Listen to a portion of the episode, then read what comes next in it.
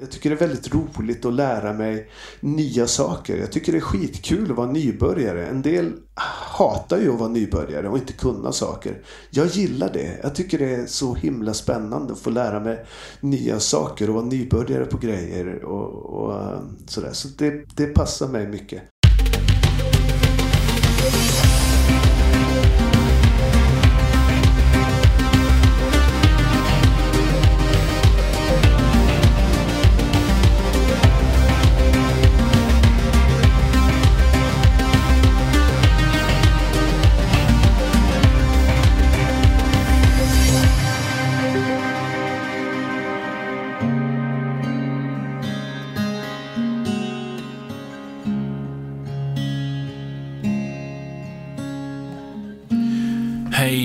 Välkomna till Ismail Atarias podcast. Det är jag som är Ismail Ataria och jag är poet. Ehm, det känns verkligen nu att det är vår och jag älskar verkligen när solen börjar på att leta sig fram nu och, och den här fiskesäsongen, flugfiskesäsongen som jag älskar och som jag kommer återkomma till tror jag i podden. Ehm, den är verkligen antågande nu och jag känner i varje del av min kropp att jag bara vill springa rätt ut i skog och mark just nu. Men jag vill också passa på och eh, kicka igång ett nytt poddavsnitt till er. Den här veckan så kommer jag möta en vän och en eh, väldigt, eh, ja, en inspirationskälla kan jag säga. En man som jag tycker om väldigt mycket. Och som är väldigt inspirerande att se på scen.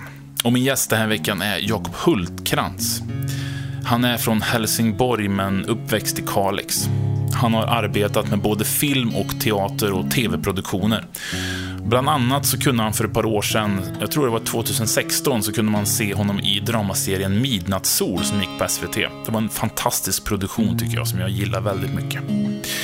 Men sedan 90-talet så har Jakob ingått i Västanå Teaters ensemble och han har axlat flera stora roller i deras produktioner. Bland annat Herr Arnes Penningar, Gösta Berlings Sagan, Herrgårdsägen och Charlotte Löwensköld. Eh, han kommer också medverka i kommande uppsättning av Västanå Teater och det är Körkalen av Selma Lagerlöf. Mm, jag tycker väldigt mycket om Jakob. Han har ett sånt kraftigt, härligt uttryck. Han kan pendla, tycker jag, mellan att vara eh, väldigt kraftig i sitt uttryck, men ändå vara väldigt eh, bräcklig och svag, vilket jag, den blandningen gillar jag väldigt mycket. Nyligen så uppträdde eh, Jakob uppe i Nordnorge faktiskt i en uppsättning av eh, Koka björn, heter föreställningen. Vi kommer att återkomma till den. Eh, men innan vi kör igång så vill jag bara eh, säga en sak. Att när man ska podda tillsammans med någon som har en egen mikrofon, då är det bra att man liksom synkar sina ljudkällor. Och man gör det oftast genom att man gör en liten sån här... Man så, ni vet, sett på film när man har en sån här klappa som man använder.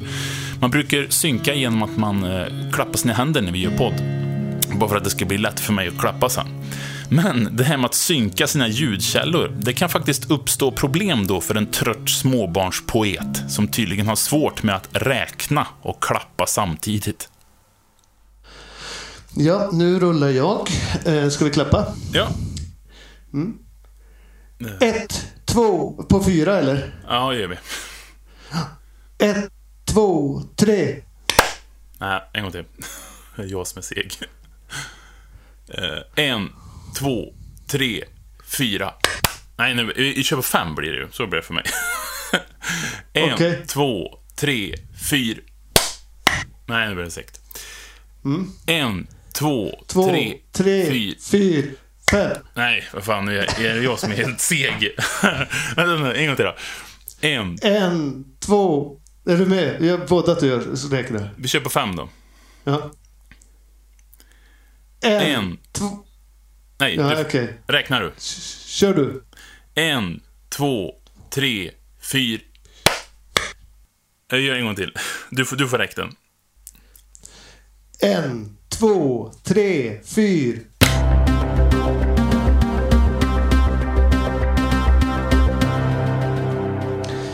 Ja, Ismael. Sådär. Eh, är du Ismael eller Anders i den här? Ja, det är så berömd, berömda frågan. Jag vet inte ens själv ibland så. Eh, Eftersom vi känner varandra så väl så, så är det ju Anders liksom för dig. Ja. Men- Ja. så att det faller ju helt i liksom mellan artistnamn och vanligt namn. Men vad kul att du är med. Hur, hur, hur är läget om vi börjar där? Jo, men det är fint. Jag sitter här ju ute eh, utanför på gården hemma igen efter en lång vända eh, borta från familjen. Det är jätteskönt att vara hemma. Ja, just det. Du var uppe i, i nordligaste Norge. Ja, precis. Eh, nästan vid Norra ishavet och spelat med en föreställning där som heter Koka björn. Mm. Mikael Niemi. Ja, just det. Det är en, en roman från början, va? Ja, precis. Mm, jag har inte läst den. Eh, vad, vad, vad, jag ska säga kort, vad, vad handlar den om? Ja, det, är, eh, det är lite sådär Rosens namn-historia nästan. Om man kommer ihåg den gamla filmen med Sean Connery eh, som kom ganska länge sedan. Eh, men det här handlar om prästen Lestadius. Och eh, i det här fallet så har han tagit en samisk eh, pojke som lärling. Eh, och så börjar det ske några konstiga mystiska mord i eller man tror att det är en slagbjörn först, men det visar sig att det är en annan, mycket farligare eh, mördare. Mm. Så det är som en, en, en, nästan som en kriminalhistoria? Ja, liksom. mm. ja, det är en deckargåta nästan. Ja. Eh, fast ändå i en eh, nära avlägsen eh, historisk tid, kan man väl säga. Men var teatern en form av samproduktion mellan, mellan liksom Västanå eller och... Nej, det, nej, det är en... Det är Samiska nationalteatern som eh, hade anlitat Leif Stinnerbom som ju är chef på Västernå teater eh, som regissör och sen så blev jag tillfrågad om att göra en roll i den också. Och nu under de här coronatiderna så kändes det väldigt lockande att åka ut åka upp dit och, och, spela teater inför en publik. Det är så sällan, alltså, det, vi, vi, vi, får ju nästan inte göra det nu för tiden här. Eh, Nej, I precis. Sverige så är det ju så är ju, det är så få som kan titta på den. Men i Norge så hade de eh, lite andra restriktioner och speciellt då det här som var en utomhusföreställning vintertid. Så publiken satt på en gradäng av snö och is på renfällar och så satt de med avstånd och sådär. Men hundra personer kunde sitta i, i den läktaren. Då. Ja, så spelade vi under norrskenet. Eh, ja, det var en fantastisk upplevelse. Ja, jag förstår det. Och så speciellt eftersom när inte jobben har stått i, i, som spön i backen precis, så förstår jag att det var väldigt härligt. Och just en sån speciell upplevelse på det också. Ja, det är så himla fint alltså. När jag kom upp dit där i början av januari eh, så var det... Mm, eh, så gick ju inte solen upp ovanför horisonten utan det var ett sånt där ständigt... Alltså under dagtiden när det en del av dagen, flera timmar i alla fall, så var det en sån här solnedgång, evig solnedgång eller upp, soluppgång. Eh, så en slags rosa-röd eh, skimrande himmel liksom för att solen inte riktigt kom upp. Jätteannorlunda och häftigt. Det är ju så fint det där. Jag har ju varit mycket upp där och fiskat ett par gånger. Mm. På, på sommaren då, så liksom. Det, De har ju jättebra eh, laxvatten där uppe. Ja, det är helt sjukt. Alta rinner ju där Men där får man ju stå i Ja, kö. precis. Det måste det vara... Du står i kö flera år för att komma dit, vet jag. Så att, eh, det är jättesvårt. Utan vi, vi, när vi är där uppe och fiskar så är vi mest uppe på liksom fjället. Bor uppe i heter det, område. Ja, okej, okej. Mm. Det där ska jag bipa så ingen hör det. Sån. ja, precis. men, eh, nej, men det var jättehäftigt. Vi var ju också det. Vi hade lite tid att kunna... Alltså vi köpte skotrar, eh, Mm. jag och eh, två killar till där uppe. Så kunde vi åka ut på och pimpla liksom då på fjällsjöarna och pimpla röding. Och, äh, det var jättehäftigt. Mm. Ja, det är så fint. Och just det, det är så fin... Just att det är Finnmarksvidda, det är ju sån... Det är ju vidda liksom, verkligen så. Det är inte så mycket fjäll, utan det börjar ju få flacka av mot havet liksom. Så det är en väldigt speciell fjällmiljö liksom så. Man ser ju inte så Ja. mycket fjäll överhuvudtaget så, utan det är mer... Jag vet, det är väldigt, det, det är flackt på ett eh, myskosätt och så är det de här eh, låga fjällbjörkarna överallt liksom. Som ett slags Alltså det, det, det blir nästan som någon slags ökenklimat fastän med eh, några enstaka björkar eller en, ja, en hel del björkar utställda liksom. Fast en låga, låga, knotiga Mm. saker. Och så ganska flackt, precis som du säger. Häftigt. Ja, Annorlunda. fint. Men hur kändes det att, att liksom vara bort så pass länge från, från familj, från Sverige och sådär och, och vara liksom bort, borta under så Ja, lång tid? ja det, var, det var jobbigt alltså. Och var, det är ju det att vara borta från familjen. Det har jag alltid tyckt. Det är ett problem med, med det här yrket, skådespelaryrket. Att man liksom tvingas att åka ifrån sina nära och kära under perioder. Det var ju inte meningen att det skulle bli... Så här länge brukar det ju aldrig bli. Liksom. Nu var jag borta tre månader i ett streck. Och, och så brukar det ju aldrig vara. Utan som, som mest så är man borta tre veckor på, på turné. Alltså 21 dagar brukar vara allra... Det brukar vara max.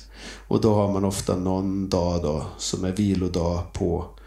Ehm, um, så man har vilodag borta på turné. Men, men, ehm, och så åker man hem då efter tre veckor.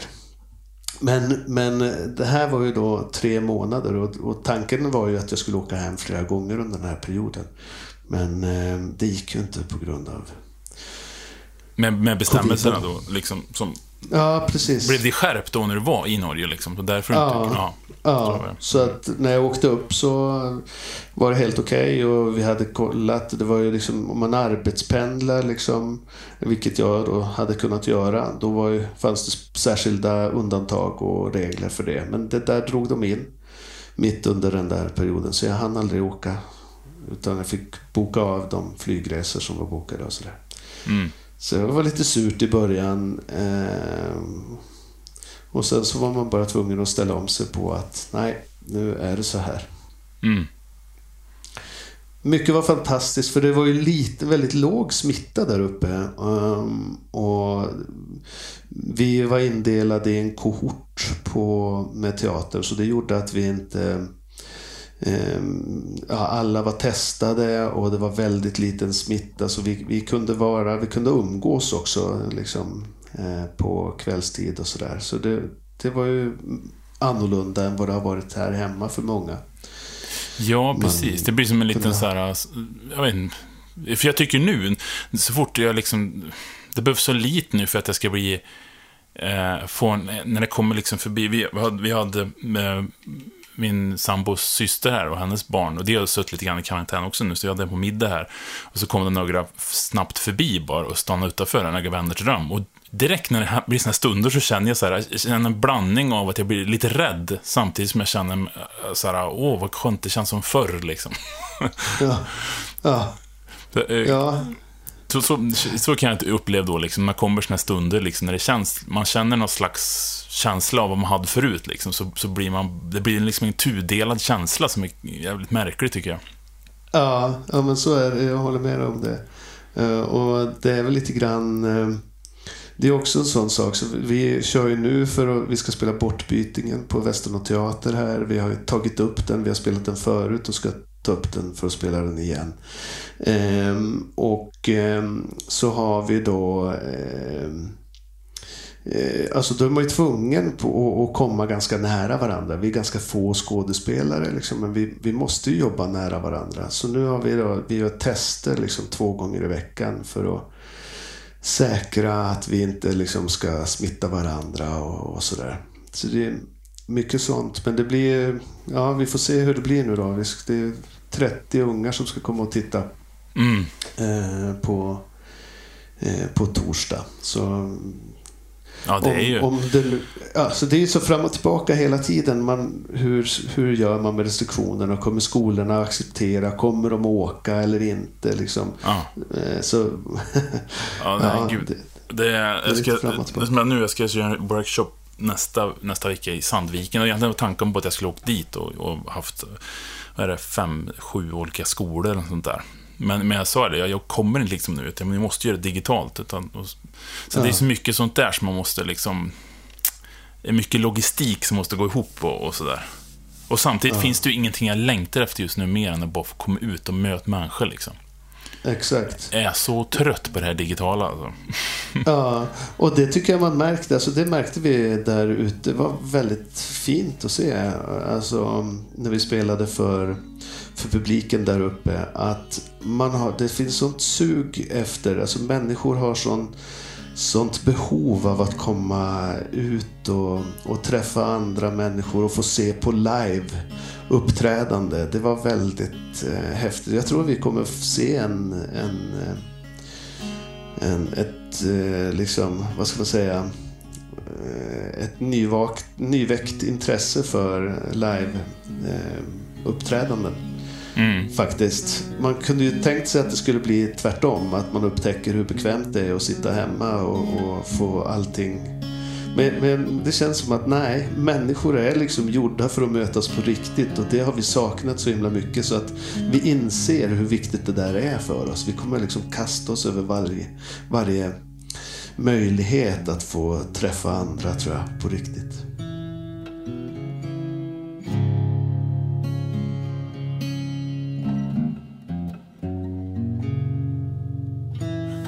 Men du, under den tiden när du var bort så fyllde du 50 också. Hur känns det? Ja, nej, men det är, eh, det- är precis som eh, vanligt, skulle jag säga. Mm. Eh, lite gråare tinningar och eh, eh, man märker att man läker ihop lite sämre. Men det var inte från, eh, från ena dagen till den andra utan det börjat, märker man successivt tycker jag. Mm. Och det värsta av allt, vet du vad det är? Nej. Det är att eh, man måste ha läsglasögon. Eh, alltså jag är så... Jag, det är så irriterande. Jag har haft så här fruktansvärt bra syn. Det har varit en stolthet som jag har satt högt. Att jag kan se på långt håll och på nära håll. Eh, och bara justera och, och liksom... ja, men nu så ser jag skitdåligt på när jag ska läsa och sånt där. Det är, det är verkligen ett tecken på att man blir gammal då. Ja, fast det är ju ingenting. 50, vad fan. 50 är väl... eh, Jag blir 40 nu i sommar då. Inte, Ja, jag, du, snart är du med. Ja, precis. Jag tycker för- 40... Jag tycker det är omvänt på den sättet. Det är f- 40 är 50 för mig. Förstår du det? Eller vet inte. Jag tycker, tycker det känns som att eh, nu börjar jag på... Eller, jag, jag kan vara lite nojig nu faktiskt för första gången i mitt liv. Sådär. Då kan jag känna liksom så här, oh, shit alltså. Eh, för jag kan inte relatera till den siffran på något sätt. Vadå, 40 eller 50? Eh, Bägge två eh, på något sätt. 50 kan, kan jag mer relatera till på något sätt. Jag vet inte varför. Och 50, Ja. så här, men, men Ja, 40, det känns så jävla tråkig ålder på något sätt. Ja, det, det är ingenting på något vis. Nej. 30 är, är liksom vuxen på riktigt. Ja, 40, 40 är, och, och 50 är liksom så här på gränsen till gubbe. ja. Men, men 40 är, vad är det? ja, precis. Men, men känner du liksom att... att hur, hur, hur, hur hantverksmässigt, har du liksom blivit bättre? Känner du känner det liksom? Nej, jag vet inte. Uh, alltså, kanske. Alltså, jag är inte lika nojig i alla fall. eh, längre om, om jobbet och sådär. Jag tänker att nej men det här kan jag nog. Eh, sen är det inte så att man slutar försöka, det gör man ju aldrig. Utan man är ju aldrig fullärd och, och så. Men jag, men jag håller inte på och nojar så mycket som jag gjorde förut. Alltså sådär liksom. Åh, hur ska det bli? Åh, jobbar upp sig och liksom. eh, och, att allting blir så fruktansvärt viktigt för en på, på fel sätt. Alltså, Mm, mm, jag förstår. Ehm, nu så känner jag mig som att mera som att ja, men, eh, jag kan det här. Eh, det ska bli kul och jag ska gå in och leka och göra och lita någonstans på att det där finns. Liksom det som man vill ska finnas. Ja, det är väl så jag kan känna att, att jag kommer bli, tror jag. För jag är inne i en period nu när det är väldigt mycket sådär, liksom, att det spänner, spänner mer än någonsin liksom, mellan självtvivel och, och att jag har en slags, byggt upp någon slags yrkeskunskap kring, kring att jobba liksom, som, som poet och som ja, som artist och sådär, så kan jag känna att jag har en enorm... Så här, men, och, så, och så, det kan vara försvinn på en minut. Mm. Och, och, så hade jag inte förr. Jag hade mycket mer självförtroende förr. Utan jag är mycket Mm. mer i tvivel nu och, och på något sätt lugn att jag är i det jävla tvivlet också.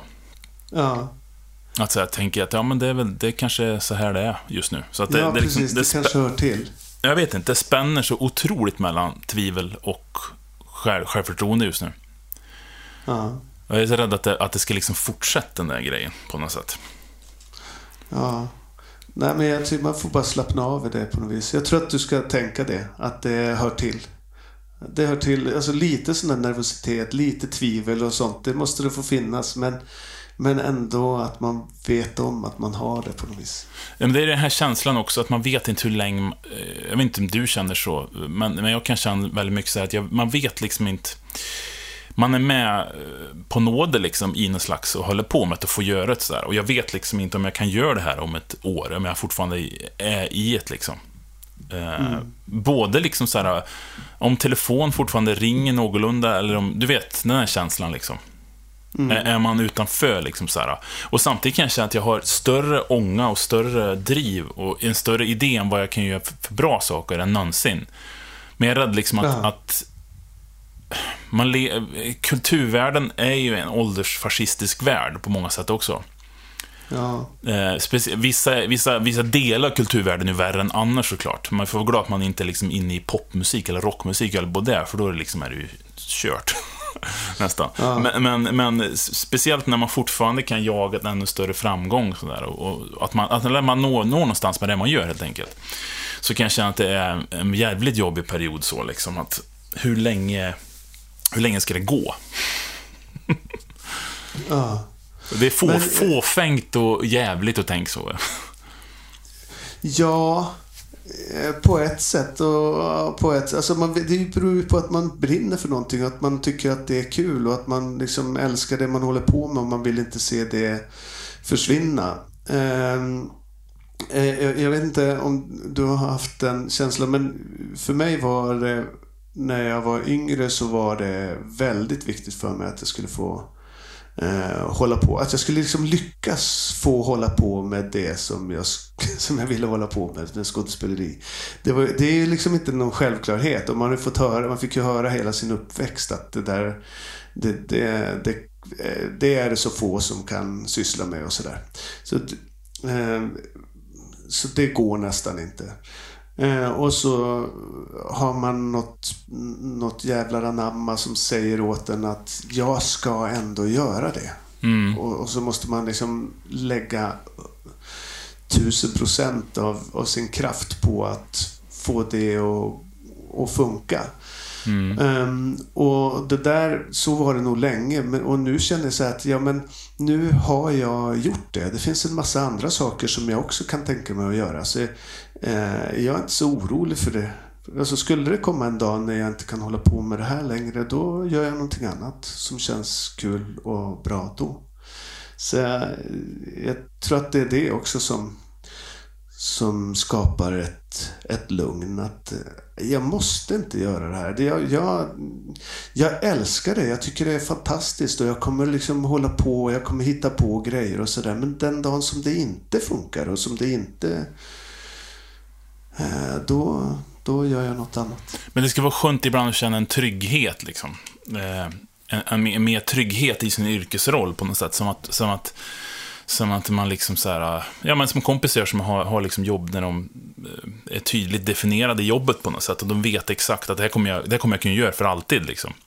Men konstnärs, det, kanske, det är kanske också, också förbannelsen man håller på med någon form av konstnärligt uttryck. Det är att det, du kanske måste lära dig leva med det där helt enkelt. Det, det är ungefär som att vara en sport, sportperson, liksom håller på med hockey eller stavhopp eller vad fan det är. Man vet ju inte eh, när, när en skada kommer och jag måste lägga av. Jag vet inte hur länge jag kommer hålla liksom. Nej, Och det är lite likadant egentligen på ett sätt. det är det ju. Det är, så är det garanterat liksom. Det är som färskvara Mm. liksom. Ja. Och det, och det... eh, Nej men så är det. Det finns ju jättemycket. Och, och liksom, just det där med skador och sånt som ju avgör jättemycket vad man kan göra och inte göra. Mm. Ehm, eh, det, det måste vara likadant och det kan ju ta slut när som helst på grund av det. det alltså, det är så för dansare, för skådespelare, för, Ja. för idrottare. Och, ja, det, Ja, precis. Det kan ju alltså verkligen med skador, för det är många känner som, som har liksom råkat ut för olika skador i sitt, genom sitt, sitt hantverk på olika sätt. Liksom. Har du, har du, har du råkat ut för det? Det kanske inte pratar så ofta om i skådespeleri. Har du råkat ut för det, för det slitage som du märker liksom nu, nu när du ändå har hållit på ett tag med det, liksom? Ja, ja, oh ja. Men märker du liksom att, du, att det fan, kroppen tar stryk av mitt yrke alltså? Ja, det, ja, men så är det ju liksom. Ehm, och d- d- jag har ju opererat båda knäna liksom. eh, jag har problem med någon ryggdel liksom. Och, ja, det, det, det är lite sådana här små skavanker här och där liksom, som, som har kommit genom åren. Det, Är, det på, är det på grund av att du har stått mycket, eller liksom, rört dig mycket och dansat? Liksom, och... Nej, det är att man har utsatt sig för extrema grejer liksom. Att man Ja. har... Eh, eh, ja, så, det, så blir det ju liksom för, Mm. för de flesta. Sen så... Sen så ehm, eh, jag menar, alltså, som skådespelare, alltså som idrottare så vet du precis vad det är för någonting, vad du måste träna för att bygga upp liksom och så. Men, men som skådespelare så får du ju nya uppgifter hela tiden och helt plötsligt så ska du göra något särskilt då liksom. Och så har du eh, åtta veckor på dig att liksom jobba med det och sen ska du hålla på med att göra det varje dag eh, under föreställningen, under en föreställningsperiod. Det kanske är 50 50-60 föreställningar då, eller upp mot 100 eller det är lite olika det där.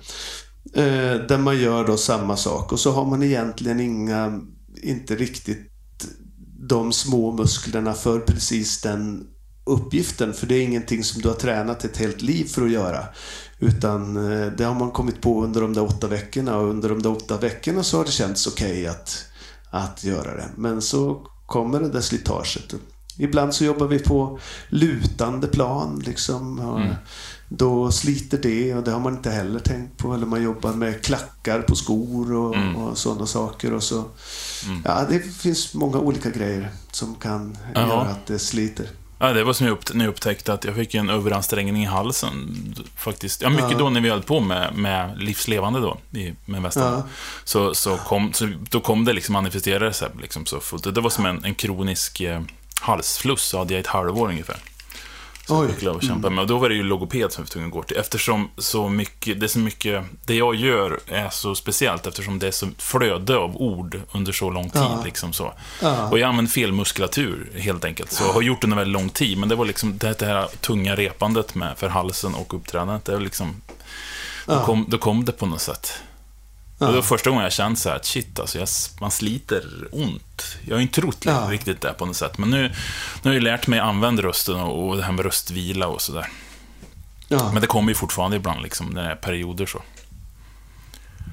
Eh, Men jag tycker det, jag vet inte, det har sådär, lite problem med ryggen också, mycket sittande och skrivande, så jag försöker stå också sådär. Men jag, jag, vet jag tycker det är lite härligt samtidigt på något jävla sätt. att, att, men att det är kroppen, det är, man, det, är, liksom- det är mina war scars liksom. Det är mina, ja. det är det jag har fått liksom. Det är dina valkar i händerna. Ja, exakt. Och, och det kan jag tycka är vackert liksom. Ja, det är det. Eh, så. Om man, får hälla ihop tillräckligt liksom, så, är det ju okej. liksom. men, men det här med att få liksom, R, det är, det är ganska vackert också.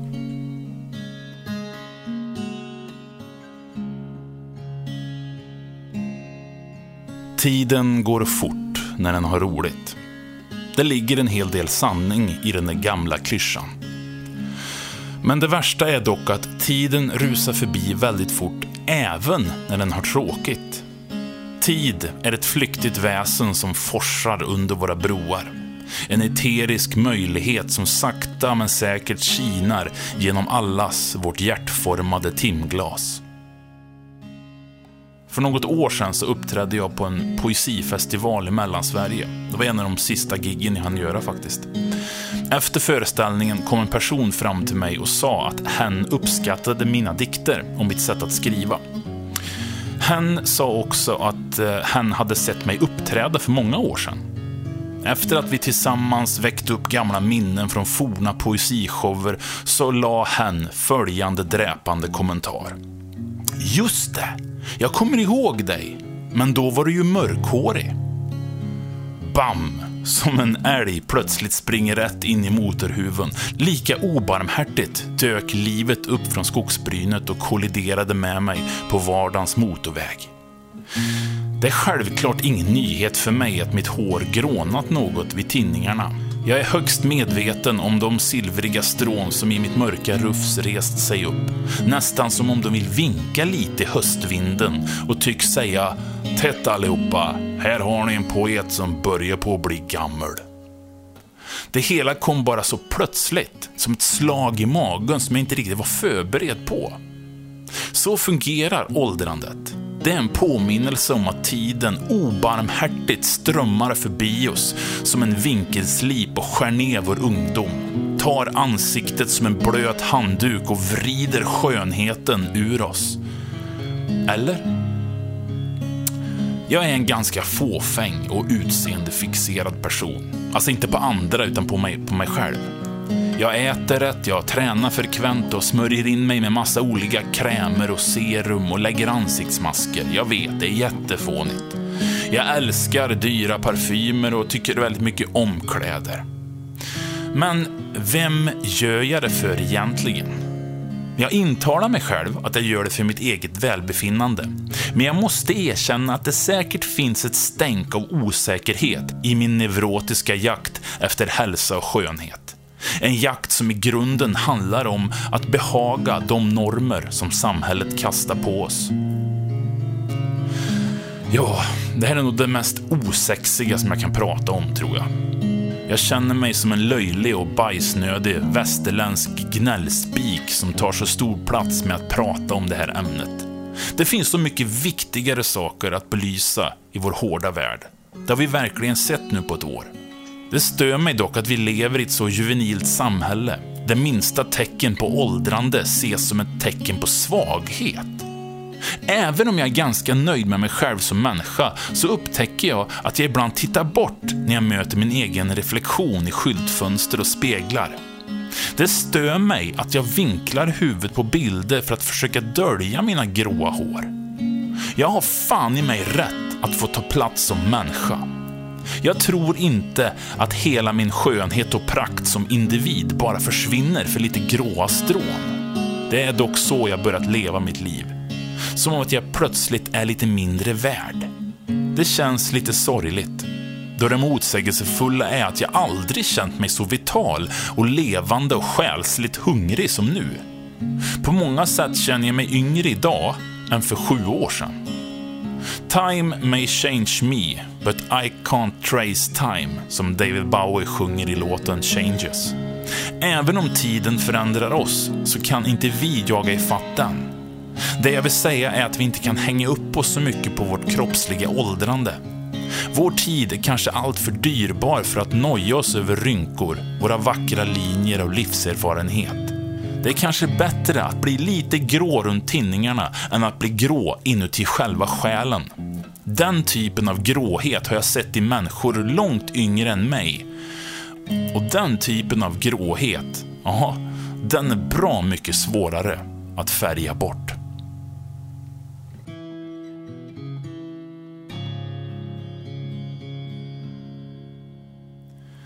Men, men eh, hur, hur, hur försöker du, hur tänker du kring det här med att hålla sig relevant i sitt uttryck? Tänker du på det överhuvudtaget liksom?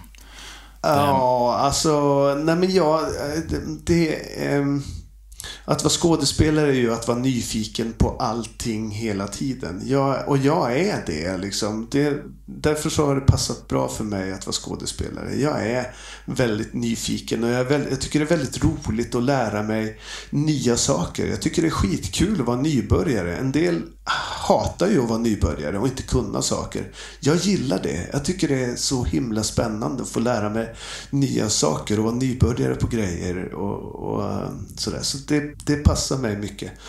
Och, mm, så jag fortsätter liksom att bara plocka sak efter sak som jag tycker känns spännande och rolig och, och lära mig.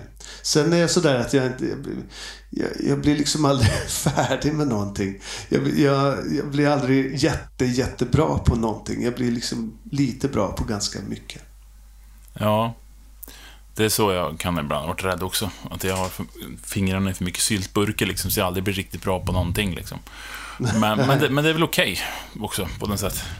Ja, men hemma så kan det bli liksom sådär. Jag, jag, jag kan, nu för ett tag sedan så var det Bokashi liksom. Jag, jag tyckte att det var så himla spännande och så, så vill jag, när jag, när jag tycker att någonting är spännande så vill jag att alla i min närhet ska, ska få ta del av det fantastiska som jag har upptäckt med, med någonting. Och då försöker jag få min fru att, att eh, engagera sig lika mycket och så. Um, och så höll jag på där med min bokashi och så lite senare så började jag med, med jakt och så började jag jaga och så, så var det så himla roligt. Och så började jag försöka få min fru att inse vad, vad mycket fantastiskt och roligt det, det finns med det. Um, och så, så, så, sa hon till slut, men Jakob, förra året så var det bokashi. Liksom. Mm. Var är bokashi nu? Ja, precis. Och då hade jag helt och hållet bara lagt den åt sidan. Eh, så att, mm. ja, jag är lite sådär. Det... Ja, jag känner igen det där också, att, att det blir maniskt och sådär. Alltså, nu, nu, nu, när vi pratar nu, nu, nu börjar vi komma mot maj, så här, och nu, nu börjar liksom, nu är all form av jobb för mig är bara eh, liksom en vän, är bara liksom någonting jag ska avverkas, för snart så är det liksom fiskesäsongen. Och nu är det liksom, flugfisket kommer igång och sländare börjar på kom snart. Så ungefär varje år vid den här tiden, nu börjar semesterplanerandet, var ska vi åka, vilket fjäll ska vi besöka? Och då, då blir liksom, just nu så, så är jag inte dugg intresserad av varken skriva eller uppträda så här års. Nej. Det liksom, kom, det liksom kommer nu, nu kommer den här längtan ut i naturen liksom. Så, och den är starkare än allt annat. Och det har jag lärt mig känna igen själv, liksom, att den här maniskheten som kommer nu, den måste få komma så här års. Ja. För sen så kommer så kom jag, kom jag alltid tillbaka sen igen. Liksom. Så. Men nu, nu är det verkligen så. Nu står jag liksom som en du vet, sån häst som står liksom och bara vill ut. Liksom, så. Mm. Och men, du jagar ju också, precis, ja. Ja, nej men säg, säg. Nej, men du, jag tänkte också, du jagar ju också om du, om du har... Jag tänkte fråga dig faktiskt om det, just om du har fritidsintressen som är bortöver det här med liksom, där du samlar kraft på något sätt. Men det har du ju svarat på då egentligen. Ja, men, men eh, ja precis. Och det, det går ju. Jag, jag tänkte säga också det, för jag eh, ser att jag gled iväg lite grann på den där förra frågan med, med hur man gör för att hålla sig liksom ajour och up to date med sitt, med sitt jobb och sådär. Eh, men att precis som, som de där intressena eh, får ta plats i ens liv så är det ju också att jag kan också vara nyfiken på fler grejer i mitt i, i, i yrket. Liksom, hur man gör egentligen. Och jag tar gärna liksom sådär, pratar gärna med folk som har hållit på mycket eller som håller på, med, som håller på lite. Alltså det, det, det um, jag är nyfiken på andra, hur de tänker och hur de gör och sådär också. Så jag har ju också en podd där jag liksom ställer frågor och försöker lära mig saker om, om skådespeleri. Så och läser och, och sådär. Jag, jag, jag, tycker fortfarande att det är spännande. Men det går lite grann i vågor. Ja, visst gör det det. Jag, jag, kan känna igen mig där också, för att, för att ehm, jag alltid, det är ju inte att jag inte har varit intresserad av andra och, och, och läst. Jag har alltid läst väldigt mycket och tittat framförallt på väldigt mycket liksom så, dokumentärer och grejer för att lära mig mer om vad andra säger. Men, men jag måste säga att nu med pandemin, då har det faktiskt kommit väldigt mycket det här med eh, längtan efter att och liksom prata mig med mitt skrå på något sätt. Och det är därför nästan ja. jag startar podcasten också. Så det här är bara ett skäl för att få ringa runt till sköna människor jag känner och få prata lite grann om livet och om konsten och kulturen och sådär. Ja. Och, och, och jag, jag, inser att jag är alldeles för... Jag vet inte, mitt ego kanske ställs i vägen ibland. Så här, liksom, för jag tror att... Jag, jag tror inte att jag ser alla människor som konkurrenter, men jag, min kropp har lite grann betett sig så nästan. Och, ja. och jag har verkligen insett liksom det nu, att det, det enda sättet att hålla sig ajour med det är liksom att organisera sig och prata med folk och, och sträcka ut en hand liksom och, och ta in liksom så. Ja, jag, jag, tror att det är... att det är ett bra sätt att göra det. Liksom. Jag, jag, jag tror det. Jag tror att man... Det, det, här med att hålla saker för sig själv och, och sådär och spara på grejer och så. Det, det tror jag är... Men det känns som att det är det inte lite sådär, ett gammalt sätt att se på det. Att man ska så spara, man ska ha sina hemligheter kvar. Och man ska, alltså, idag så känns det som att med de, den nya... Eh, att, att folk liksom det är det där att dela med sig som är, eh, som är grejen. Folk gör det överallt. Vi är vana med att man kan liksom hitta information gratis och, och eh, det gäller att dela med sig av, av det man har och sådär. Så det känns som att det har blivit någon slags förskjutning i äh, det tankesättet med att man ska spara på sin, sin egen kunskap. Liksom. Mm. Jag håller lite hemligt för att någon kan ju komma för dig i kön. Liksom, så Men det, det, jag ja. tror också att det, att det är passé. Och jag, det, är väl, det jag menar med pandemin har gett mig insikt, det är att jag har pratat med väldigt mycket människor förut, men aldrig med såna, med poeter. Jag har haft svårt att prata med de som gör exakt samma sak som mig. Där har jag alltid varit ja. liksom så här, ut, det medvetet ställt mig utanför på något sätt. Just för att jag, det föder lätt avundsjuka i mig, det föder lätt massa negativa känslor på något sätt. Och där har det hänt någonting. Jag gick in i pandemin och hade inte känt liksom, känt massa människor men aldrig pratat med dem. Och nu, redan nu, jag ska inte säga slutet på pandemin, för det vet vi ingenting om. Men nu känner jag liksom att nu, nu har jag lärt och känt människor som jag har haft liksom i mitt flöde Ja. Och det är ju väldigt fint, tycker jag. Och en insikt som ska få leva kvar, jag tänkt Just det här med att, som du säger, spar ingenting. Ut med allting. Ut med alla frågor, alla funderingar. Eh, hur gör ni, liksom så här? Ja. Men det funnits en rädsla för sig liksom, att, att, att, organisera sig på något sätt för mig förut. Att fråga människor så här, hur gör ni? Då kanske de tror att det går dåligt för mig. ja, ja, precis. Ja, att man inte vet själv. Eller man inte, men, men det kan ju vara bara en nyfikenhet för att lära sig nya saker och för att, eh, för att bli inspirerad eller för att inse att jaha, du gör så. Hmm, så gör inte jag alls. Jag fungerar helt annorlunda där. Det där skulle aldrig passa mig, men vad spännande. Så det har jag inte ens tänkt på. Det, det, alltså, lite så.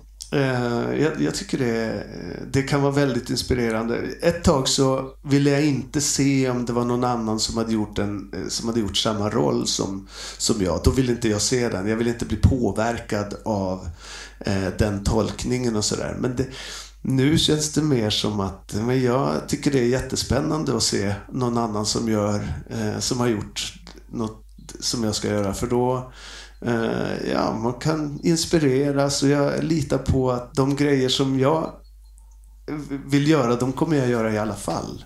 Ja. Jag, ja. Och den här klassikern också, som, som liksom, det, det, finns det som är mycket bättre än mig, och det finns det som är mycket sämre än mig. Så, men det finns ingen som är just liksom kan göra den här dikten eller den här rolltolkningen så som jag gör den.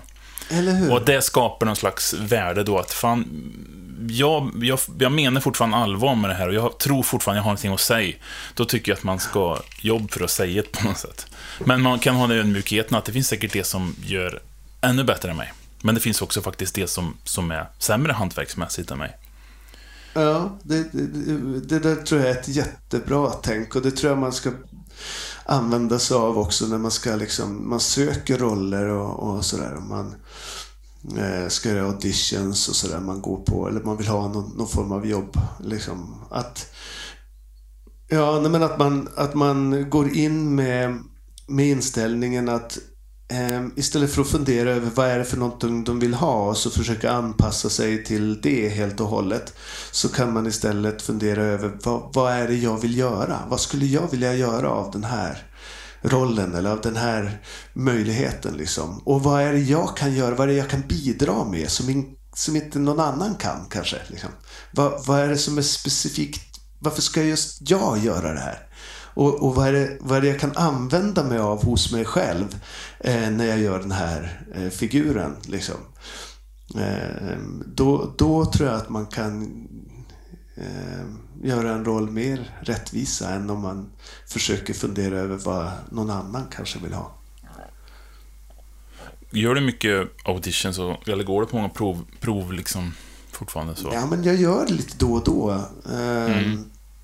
Inom tv och film eh, branschen så är det ju så man gör. Liksom. Man får en möjlighet att provfilma för någonting Mm. och så skickar man in en self-tape och så eh, har de fått in då x antal eh, self-tapes från olika personer och eh, i Sverige kanske det inte är li- riktigt lika många som de tar in men, men utomlands så tar de in massvis med, med self-tapes och då Mm. måste man ju liksom då måste man både sticka ut och ha någonting eget att komma med. Och, Jag har förstått att det spelar liksom ingen roll med hur känd du är, utan just när det gäller tv och film, utan det vill man helst se att man gör en prov.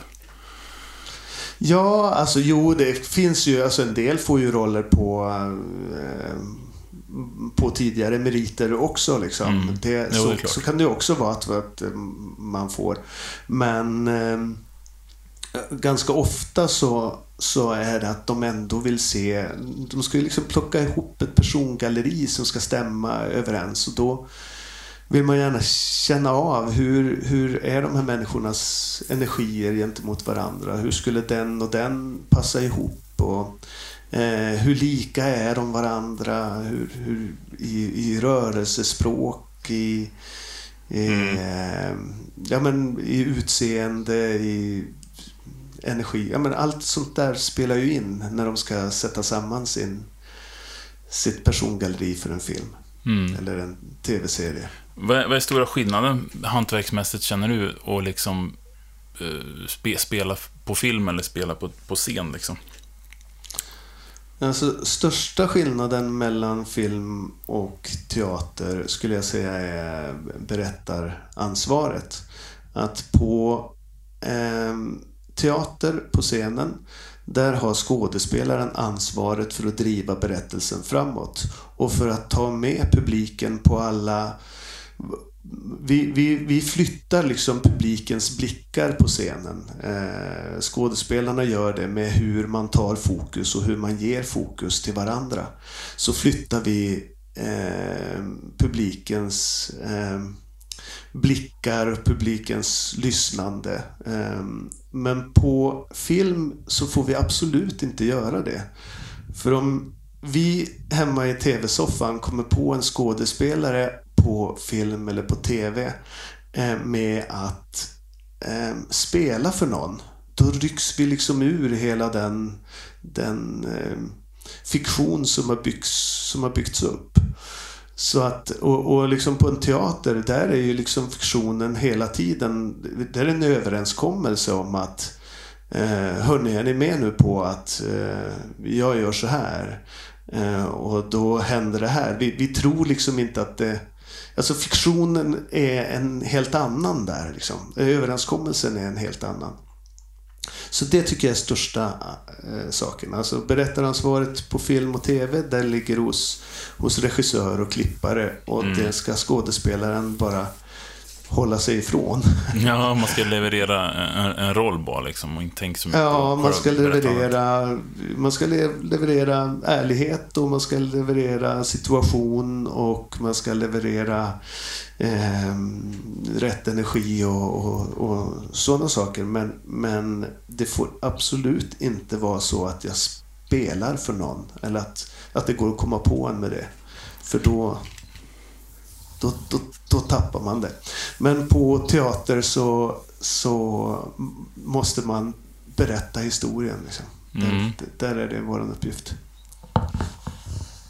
Ja, det, för det, det, det kan vara, jag förstår att det, det kan vara svårt för att, att, att, att, att det kan lätt bli att man blandar ihop de olika in, uttrycken ändå ibland och då blir det det här som jag, jag kan vara väldigt allergisk för när det blir för mycket, när det blir för teatralt tilltal liksom i en film till exempel. På- och, på jag, film, ja. och jag känner det, speciellt när det är svensk film, så jag, liksom, jag, det liksom kryper i hela kroppen när jag känner att att det är överspel. Liksom. Jag tycker att det märks tydligt på, svensk, på svenska. Ja.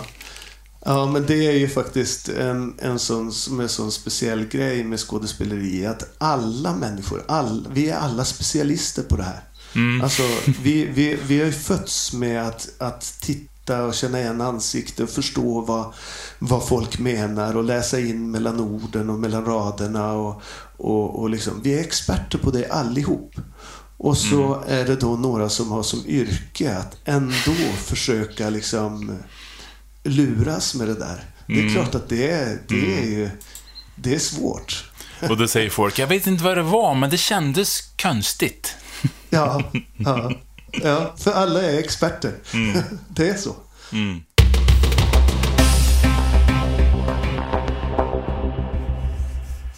Men upplever du att du har att du har nära till känslor liksom så genom ditt yrke, eh, även privatmässigt så här, har du liksom eller vad börjar det för dig? Är det någonting som har odlats? Om, du har nära känslor, är det någonting som du kommit med åren du har spelat, eller någonting som du alltid haft och som gjort att du kanske har valt den yrkesbanan som du har gjort?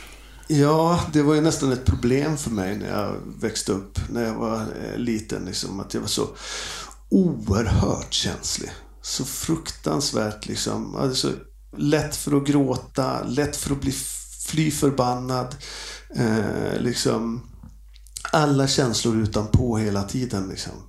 Eh, och värst var nästan då som, som kille att man inte fick gråta. Liksom. Eh, för det räckte med att jag, att jag liksom, om jag såg en film som var lite sorglig liksom, eller, eller det var en lycklig scen eller vad som helst. spelar liksom ingen roll. Jag blev så oerhört rörd och, så, och då kunde inte jag hålla tillbaka tårarna. Liksom. Nej. Ehm, Jag har fått den känslan liksom att vi är, du är ganska lika där. Att vi har bägge två ganska nära till att, till att gråta så ja, ja. Och det... Alltså, det är ju någonting som är som är ganska fantastiskt. Liksom, som jag önskar att man... Eh, jag är väldigt glad för att jag aldrig har behövt träna bort det. Däremot så har jag ju lärt mig att kontrollera så att jag eh, jag kan välja när jag släpper fram de där känslorna. Jag kan känna det under en lång stund och så kan jag släppa fram dem på ett visst slag i musiken om, om jag vill det. Liksom. Så att jag kan nästan, det är som att vrida på en kran. Jag kan bestämma exakt när första tåren ska komma. Men eh, kan, ja vad skönt. Jag kan inte göra det. Sådär, det, det finns för vissa tillfällen så här, jag har lärt mig och, och, och jag kan bli så oerhört rörd ibland när jag själv står på scen. Eh, Så kan jag bli väldigt rörd av, sitt, av stunden som skapas sådär liksom. Eh, Ja. så det är så, du vet när man, när man nästan inser någonting ihop med publiken. Sådär, och då kan det komma tårar. Men det, liksom, då, där har jag lärt mig för att någorlunda gråta. För jag vet att det, det funkar inte liksom, att stå där och böla. Liksom. Det Nej. funkar inte. Liksom. Det måste hållas tillbaka. Det kan vara fint om det glittrar lite grann, att man ser att man är berörd. Men det kan liksom inte... Eh, Det är det som ska, det är det som ska gråta, inte jag. nej. Nej.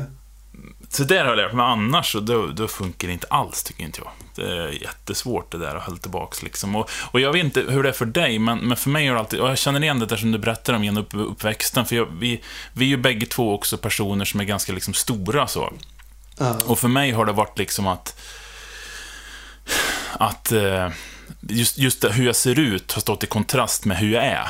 Så det har alltid varit en, en grej för mig genom hela min uppväxt, liksom, att jag, och mitt liv också som vuxen, att folk har trott att man, man är på ett visst sätt för att man ser ut så. Och, och det har ju förändrats nu det här. Det är ingen som bryr sig längre på samma sätt. Men, men förr var det ju liksom, det här med att gråta var ju svårare liksom, då Ja. under min uppväxt på något sätt. Och visa, eller visa känslor, visa sårbara, bräcklig, att man inte var att man inte var tuff liksom.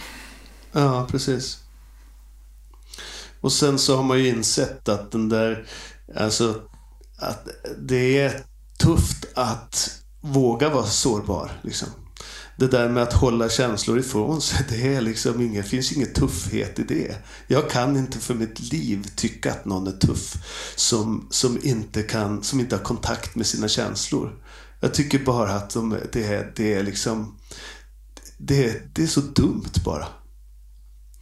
Ehm, det, det är att lägga undan en del som är, som är du.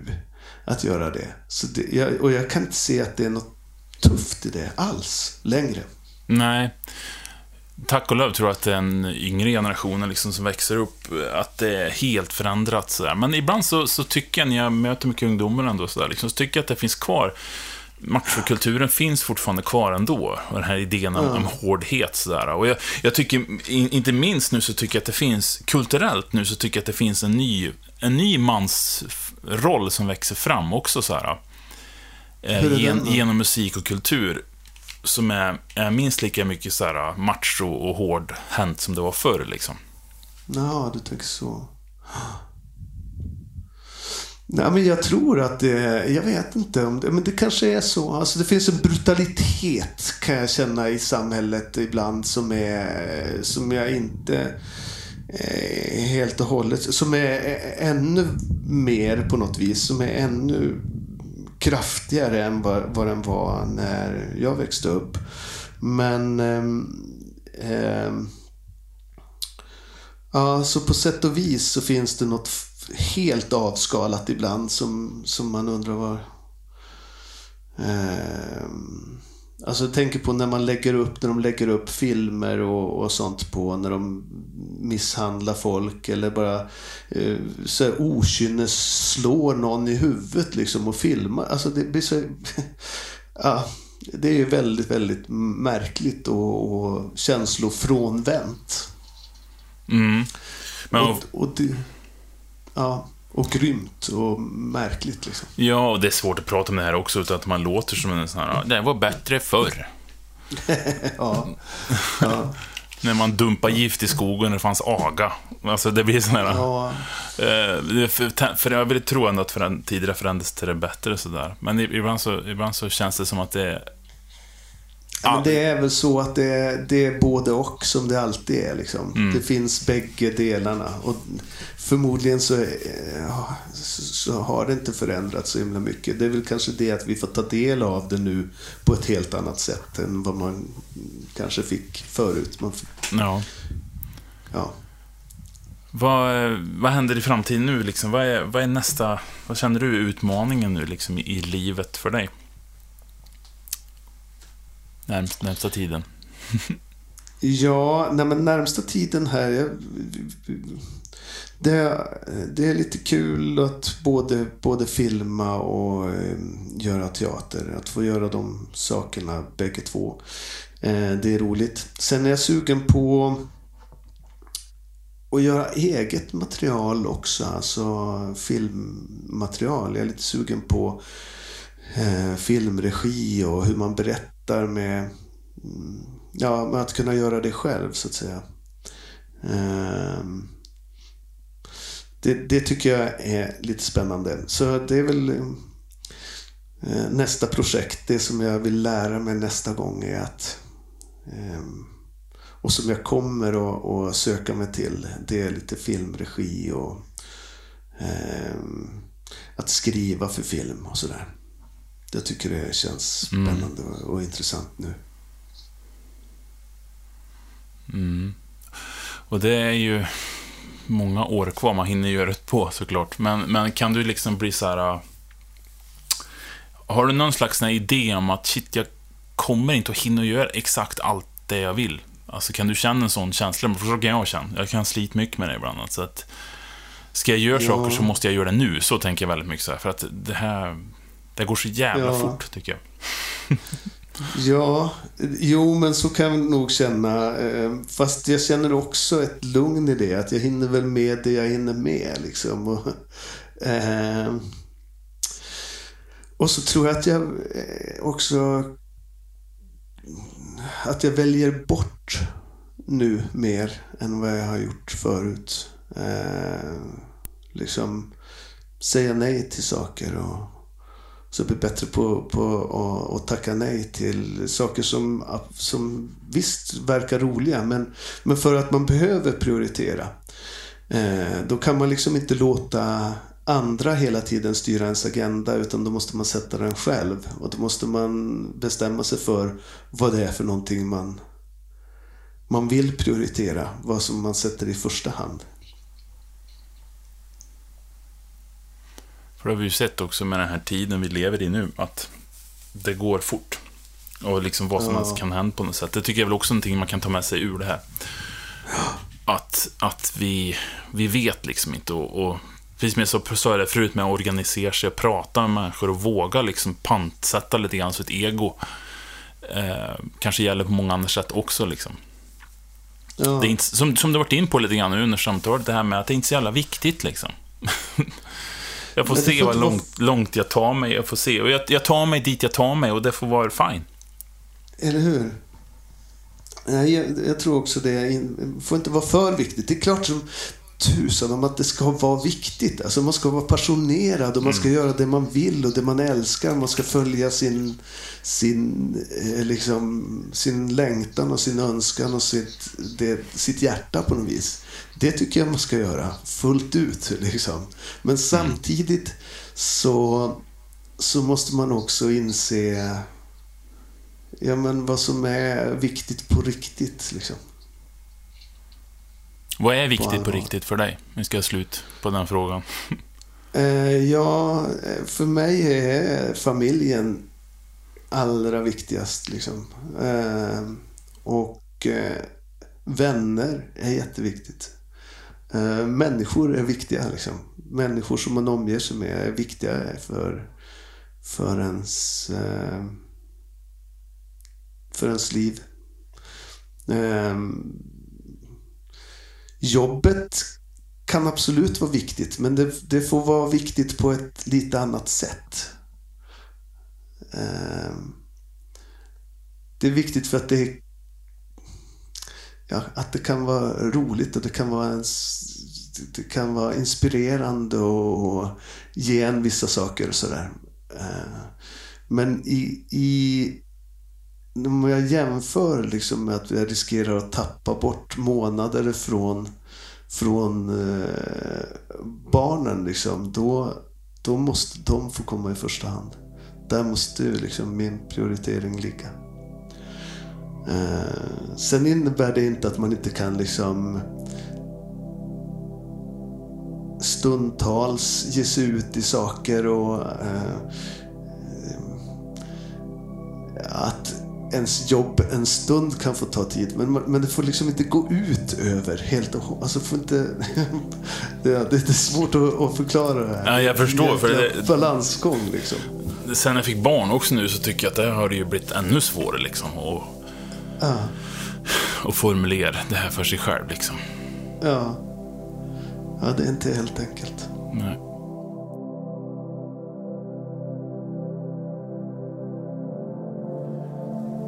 Tiden går så fort. Och kanske är det därför så viktigt med att vi tar tillvara på det här livet. Tar tillvara på tiden tillsammans.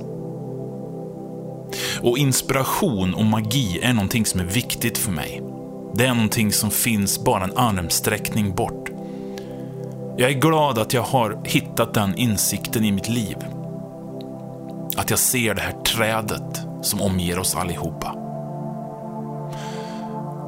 En gång så skrev jag en dikt som handlar om det här trädet som jag pratar om. Jag vill avsluta den här podden med att läsa upp en dikt som heter Frukter. Som handlar om det här trädet som finns omkring oss. Det här trädet som jag tror att eh, Jakob, precis som mig, ibland går och plockar frukt ifrån. För det finns ett upp och nedvänt träd som växer där mänskligheten slutar. Ett rotsystem som sträcker sig ovan stjärnorna, ut i det vi valt att kalla det stora okända. Den hämtar näring ifrån den andra sidan. Den hämtar näring från en magisk värld. Med kronverket inom oss, innanför det igenkända och nåbara, går många av oss dagligen förbi den frukt som hänger på vardagliga grenar, som lyser, försöker få vår uppmärksamhet. Frukter med köttet sprängfyllt av sagor och magi. Allt det där som bara väntar efter att berika våra liv. Göra dem fantastiska.